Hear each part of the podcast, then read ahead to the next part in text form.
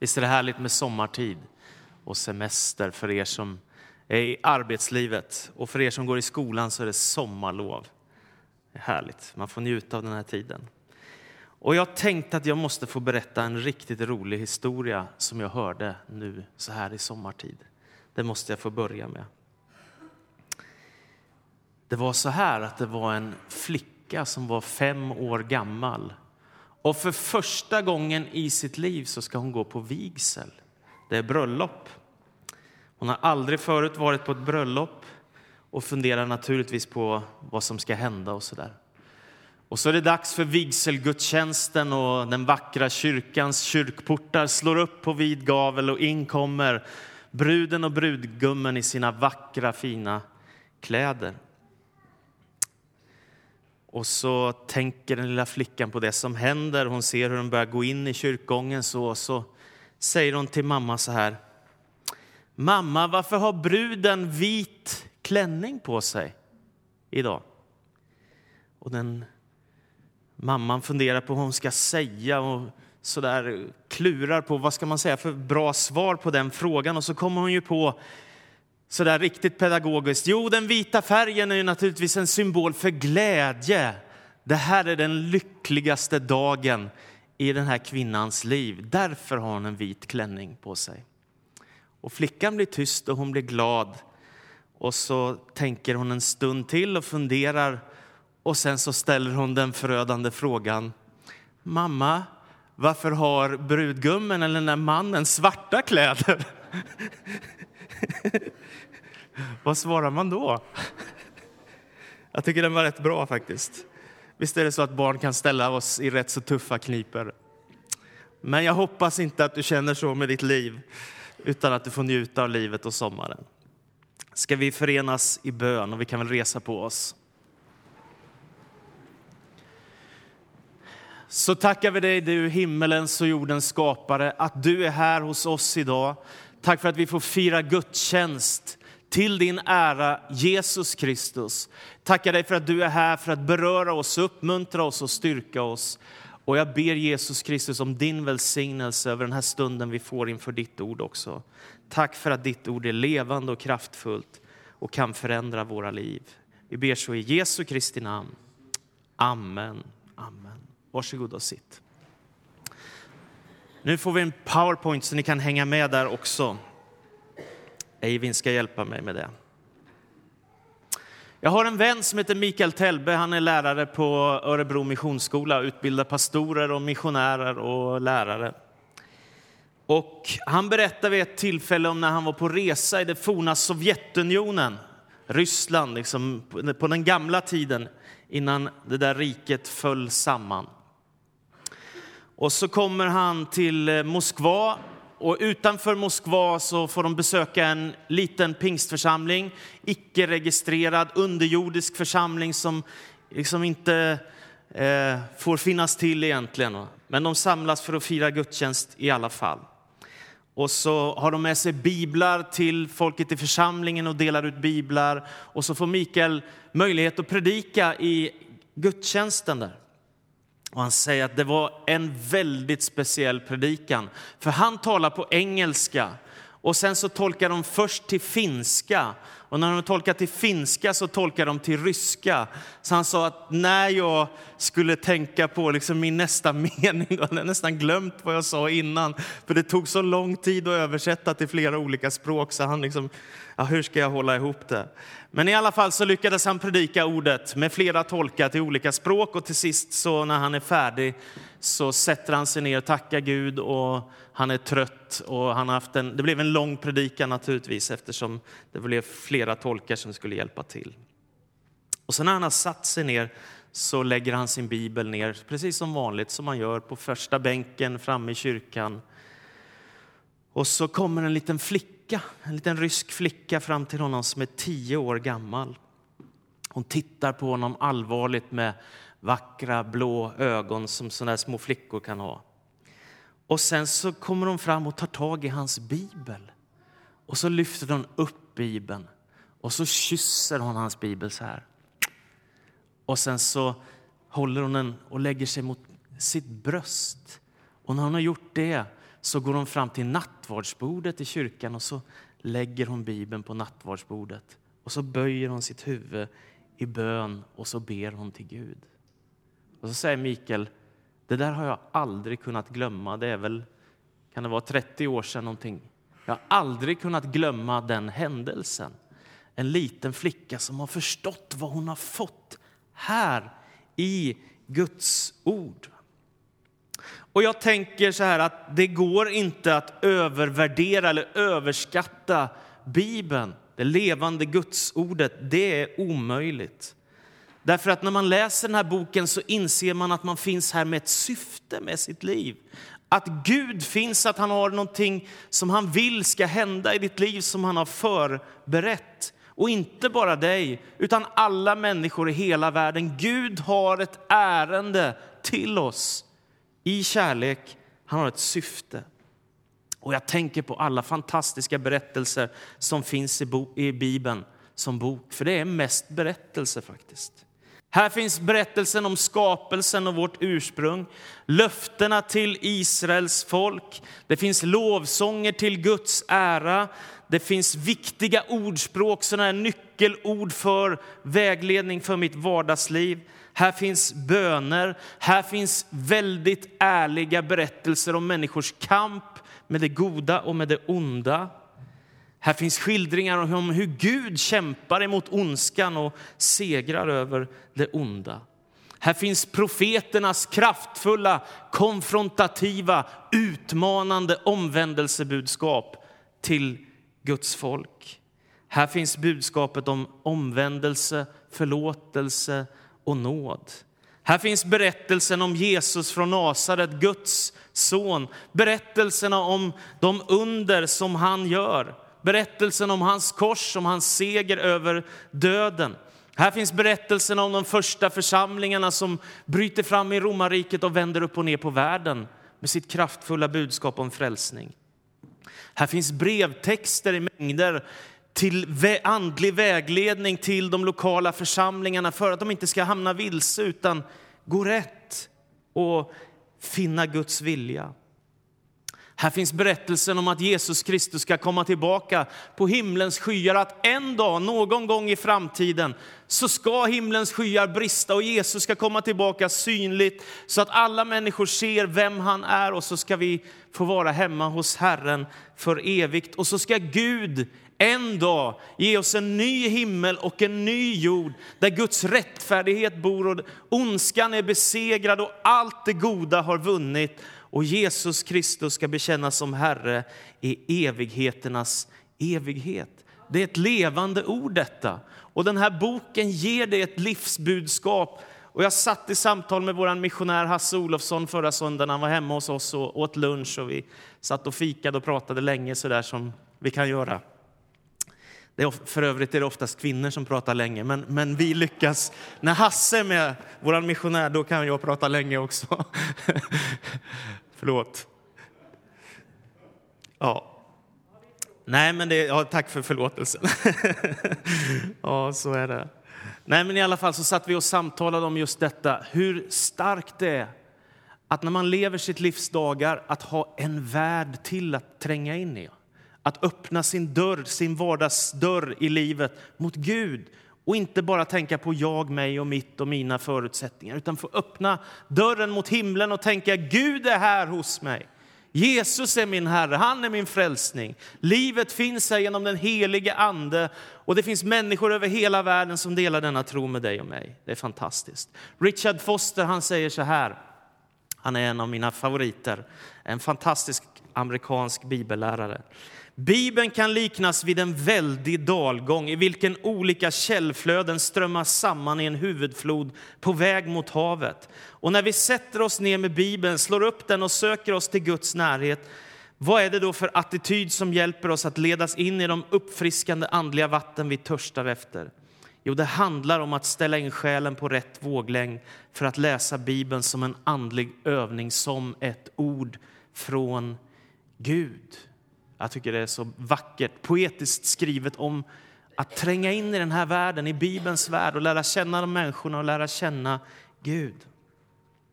När Jesus förs ut i öknen av den helige Ande, det är en märklig sak som händer, men så är det. Han förs ut i öknen för att prövas under 40 dagar och han fastar och är inför Gud. Och när en lång tid har gått så kommer djävulen och frestar honom. Och då säger han i en av de tidiga prövningarna som han ställer Jesus inför, om du är Guds son så befall att stenarna blir till bröd. Och då tänker ni er själva, när man har fastat länge, då är man riktigt hungrig.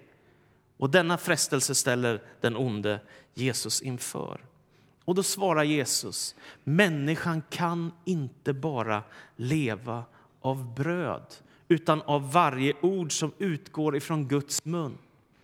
Och jag tänker det är så här man går vilse som människa. Det är att man börjar tänka att det enda som finns att leva av och för, det är bröd. Det vill säga äta, sova, jobba, äta, sova, jobba, äta, sova, jobba.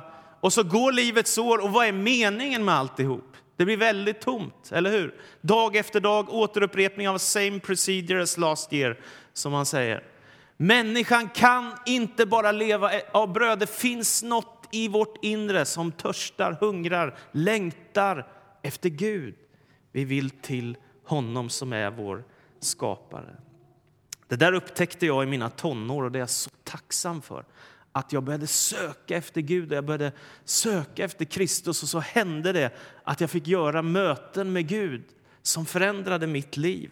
Och så kunde jag börja leva av någonting mer än bara bröd.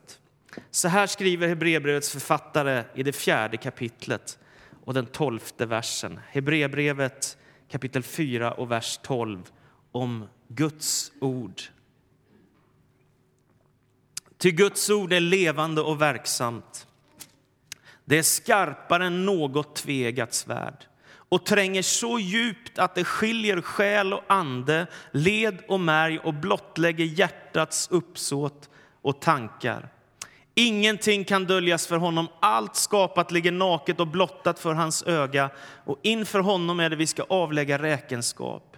När vi nu har en mäktig överstepräst som har stigit upp genom himlarna, Jesus, Guds son, låt oss då hålla fast vid vår bekännelse. Vi har inte en överstepräst som är oförmögen att känna med oss i våra svagheter, utan en som prövats på alla sätt och varit som vi, men utan synd. Låt oss därför frimodigt träda fram till nådens tron för att få förbarmande och nåd i den stund som vi behöver hjälp. När Hebreerbrevets författare, för övrigt den enda av Nya testamentets brevskrivare som inte vet vem det är, han bara säger Timoteus hälsar och bröderna från Italien hälsar till. Vi vet inte vem han är. Vi bara vet att det här är fantastisk bibelundervisning som är ganska så djupgående. Det är inget enkelt brev, men det är väldigt spännande om man vill djupstudera Bibeln. I alla fall så säger han att Guds ord har talat i historien, eller på många gånger och på många sätt har Gud talat och uppenbarat sig. Nedslag i historien så har Gud visat vem han är och talat till människor. Och därför så påminner Hebreerbrevets författare om vad är det som skiljer detta ord mot alla andra ord. Jo, här finns en tydlig skillnad och det är att det är ett levande ord som inte bara berättar vad människor har sagt eller gjort, utan här finns hälsningar ifrån Herren. Här finns ord ifrån Gud som talar in i vårt vardagsliv och därför är ordet kraftfullt. Och Hebreerbrevets författare ger som en bild av ett skarpslipat svärd. Och ni vet hur det är om ni har sett det. Det kan tränga rakt in i hjärtat på en människa. Så vast är det. Och det är som att Guds ord, när vi öppnar oss för det, så är det som att det tränger igenom alla murar, alla försvar, allt vi har och rakt in i vårt hjärta. Säkert har det hänt dig någon gång som har hänt mig många gånger att när man sitter och lyssnar på en predikan eller när man läser en bibeltext så kommer tårarna i ögonen. Varför? Jo, för att det händer något med mitt liv. Ordet är levande och det talar in i min vardag. Jag känner att livet är inte meningslöst och livet är inte hopplöst. Gud är vid min sida. Det är fantastiskt.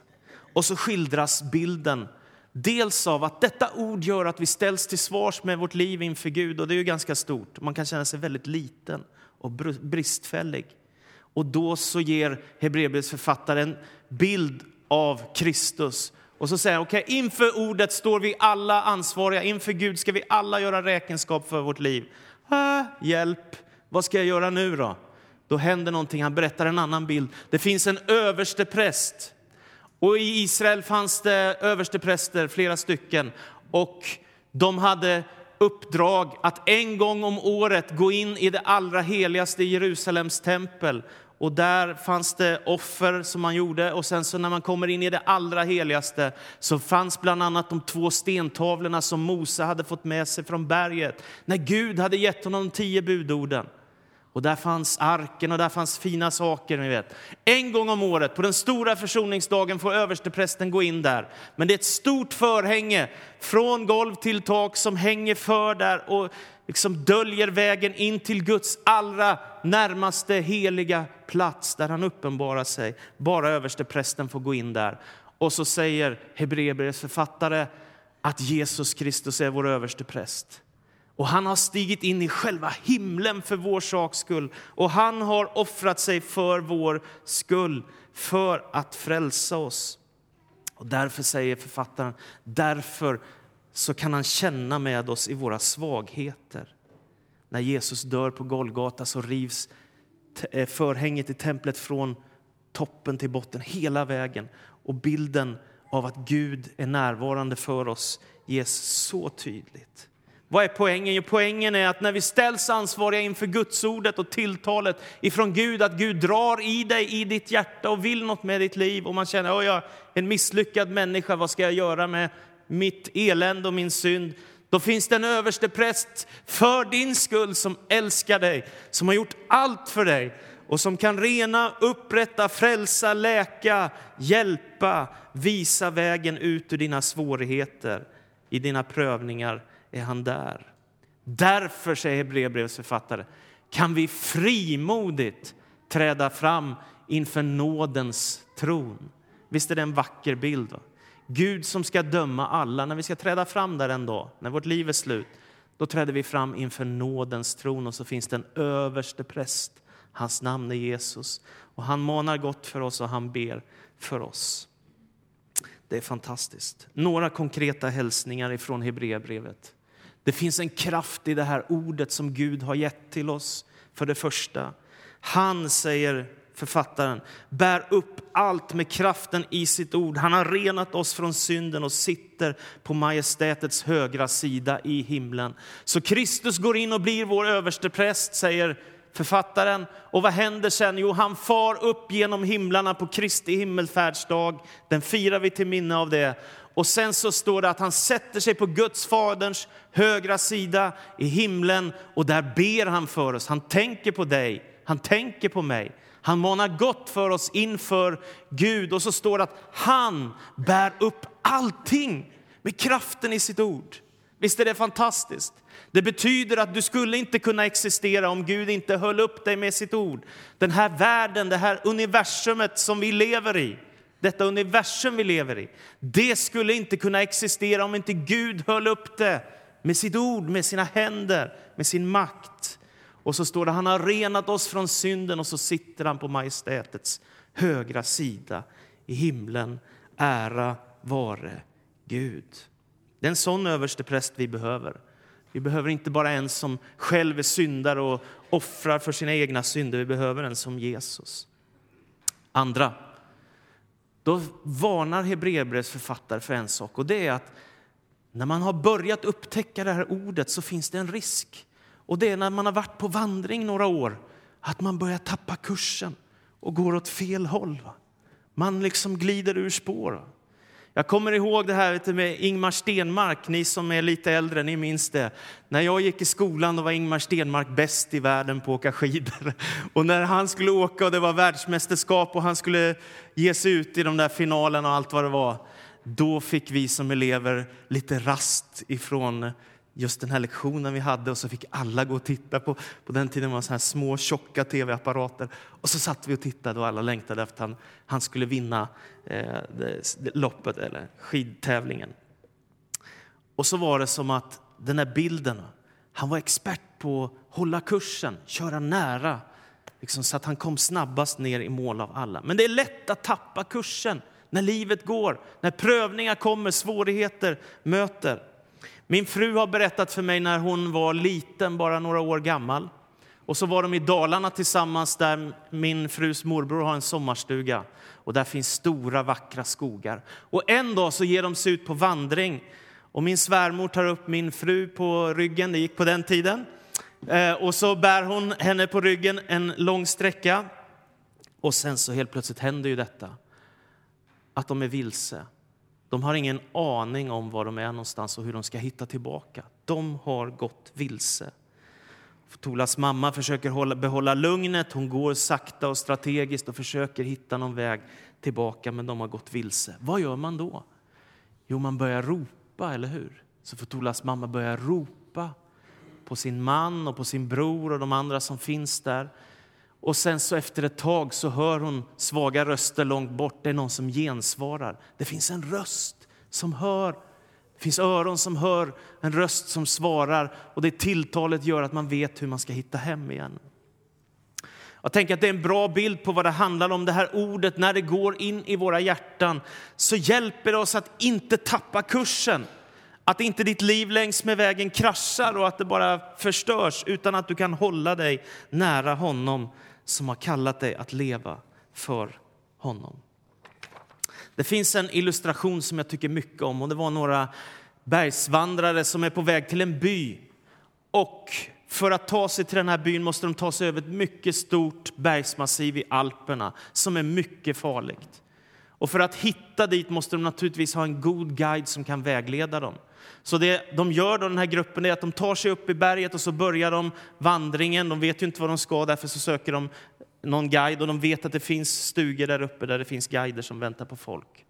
Och så kommer de till den första guiden och så berättar de om vad byn heter dit de ska. Och så frågar de, kan du leda oss dit? Ja, jag har aldrig varit där men jag kan försöka, säger han. Nej tack, nej, ingen chansning här nu när det är så här farligt. Och så kommer de till nästa guide och så frågar de samma fråga. Kan du hitta, kan du vägleda oss dit till den byn som ligger långt borta på andra sidan bergsmassivet? Nej, jag vet inte var det ligger, men jag kan ju försöka om ni vill. Nej tack. Och så kommer de till en tredje guide och så frågar de exakt samma fråga, lite uppgivna. Och vad svarar han då? Han svarar, han skiner upp och säger, det är min hemby. Där är jag född.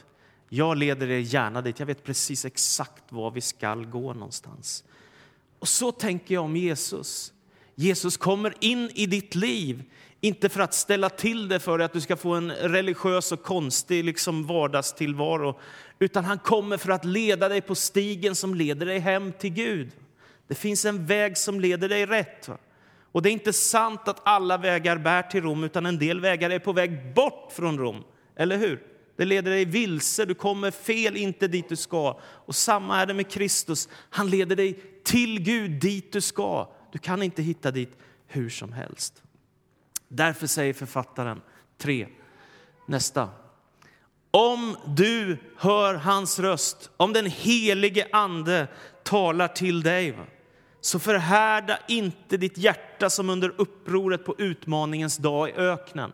Och då går Hebreerbrevets författare till berättelsen om det som hände med Mose och folket när han för dem ut i frihet från slaveriet som de har varit i Egypten i många hundra år. Så helt plötsligt så är de på väg där och vad händer då? Jo, det händer att det blir uppror och de klagar på Mose och de är inte nöjda och det är inte bra som det är. De vill tillbaka till Egypten och så helt plötsligt så är det bara massa bekymmer. Så det som de hade kunnat klara på några veckor, det tar 40 år att fullborda. Det är faktiskt en tragedi, eller hur? Det som de hade kunnat klara på några veckor om de hade tagit vara på Guds röst och tilltal, det tar 40 år att fullborda. Så när Gud talar in i ditt liv, när ordet talar in i ditt hjärta, så var noggrann med att du tar vara på det, att du är rädd om det. Och hur ska man göra då? Ja, om man är helt ny, då är mitt allra bästa tips läs Saltaren. Om du aldrig har läst Bibeln, så börja läsa Saltaren. För där finns massa härliga böner och det handlar bara om den enkla relationen till Gud. Du har 150 kapitel att läsa igenom, det tar lite tid.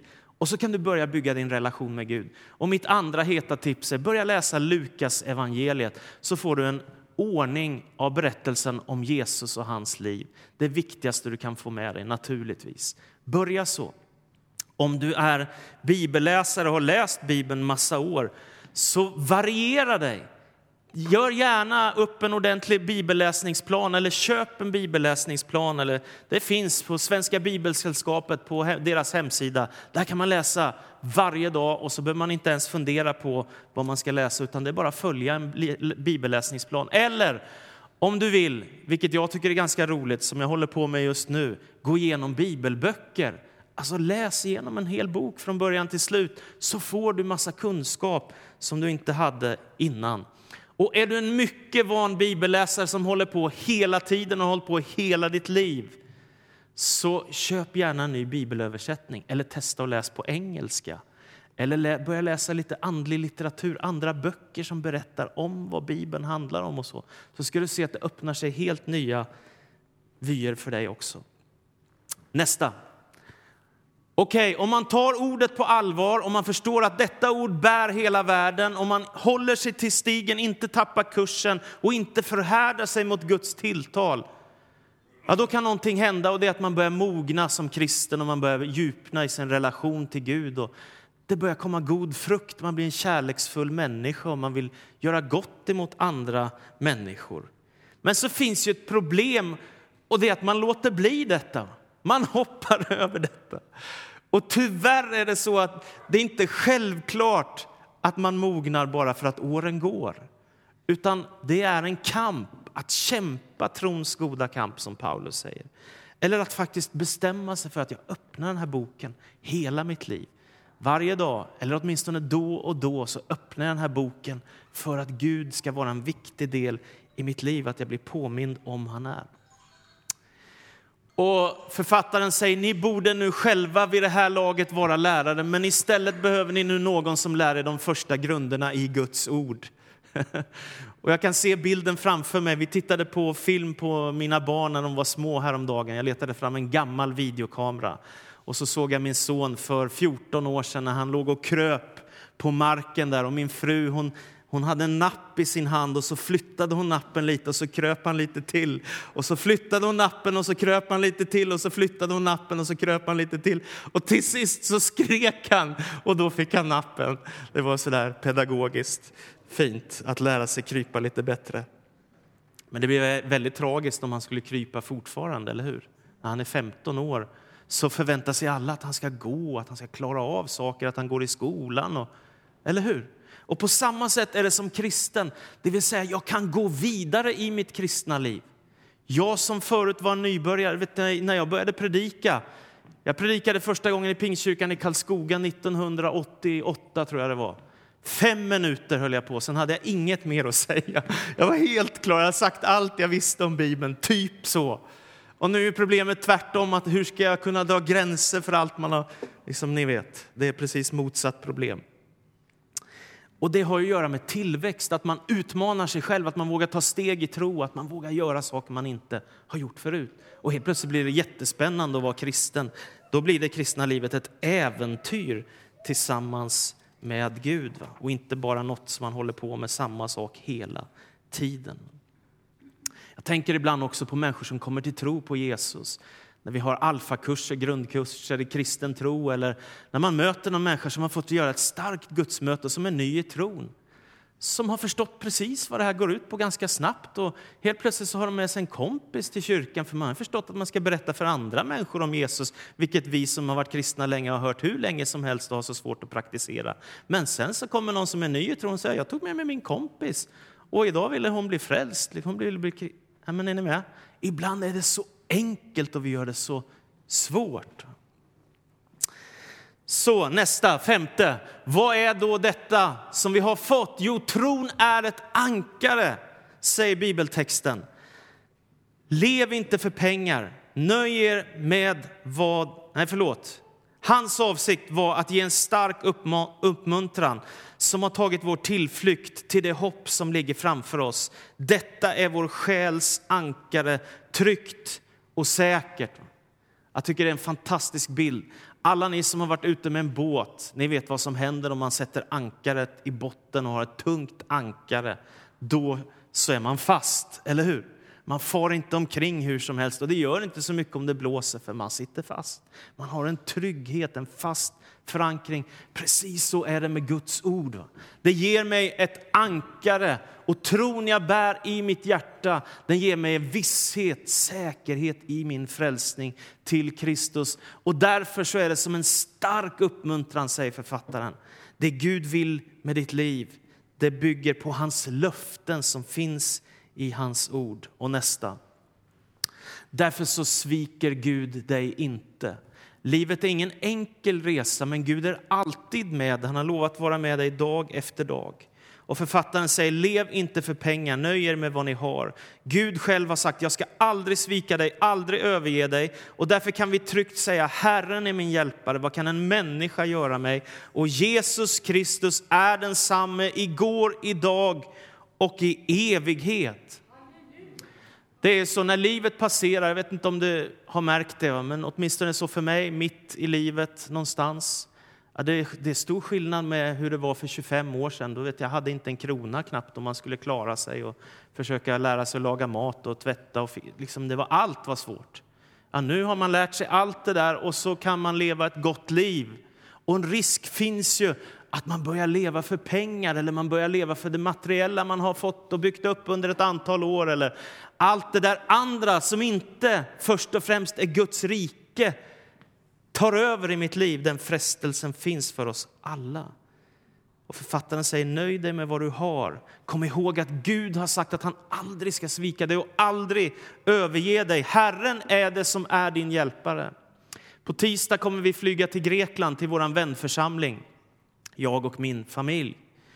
Och då ser man ju faktiskt hur skört det är, till och med i dagens Europa där vi har haft välfärd under ganska lång tid i de allra flesta länderna.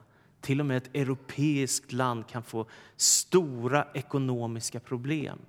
När pengar, vi vet faktiskt inte om det kommer gå ut, ta ut pengar ifrån bankomaterna när vi kommer ner till ett sydeuropeiskt land. Det är märkligt va? Men Gud har sagt, jag ska aldrig svika dig, jag ska aldrig överge dig. Han är din hjälpare och Jesus Kristus är densamme igår, idag och i evighet. Det är ingen annan vi kan säga så om. Alla andra vi känner, vi möter, ja, de är, förändras hela tiden och så har livet sitt slut. Kristus är evig, därför är vår förankring i honom så stark. Och till sist, Lev till Guds ära. Må han låta det som behagar honom förverkligas i oss genom Jesus Kristus. Hans är härligheten i evighet, i evigheternas evighet. Amen. Det är alltså en kamp att leva som en helhjärtad kristen hela vägen, hela livet. Det är en kamp att bevara sitt hjärta hjärta. Det är en kamp att inte tappa kursen, att inte förhärda sitt hjärta, att inte sluta leva här. Va? Det är en kamp. Det är det. Men det finns ett mål med allt detta till sist. När du har levt med Kristus som nådens givare och din överste präst, då kan du få förverkliga ett väldigt stort syfte med ditt liv. Och jag vet inte hur det är med, mig, med dig, men med mig är det så att jag blir glad varje gång jag tänker på detta. Att få leva för Guds ära, att få leva för hans namns skull, att lära sig den viktigaste bönen som Jesus lär oss att be. Fader vår, låt ditt namn bli helgat, låt ditt namn bli heligt så som det är i himlen, på jorden eller i mitt liv. För mig är detta en sån stor lycka att få leva för Guds ära. Och jag vet som avslutning att en av, vår, eller en av världens mest berömda musiker och sångförfattare. Han hette John, Johann Sebastian Bach. På varje verk han skrev så skrev han Sol, Soli Deo Gloria. Soli Deo Gloria. Det betyder till Guds ära. Varenda musikstycke han skrev, varenda sak han har skrivit. Soli Deo Gloria till Guds ära. Och jag känner att livet blir så fruktansvärt meningsfullt om man har det med sig och det blir så meningslöst utan detta att leva för hans namn, för hans ära, för hans rikes skull. Vill du växa som kristen, då behöver du leva här. Du behöver älska det här ordet.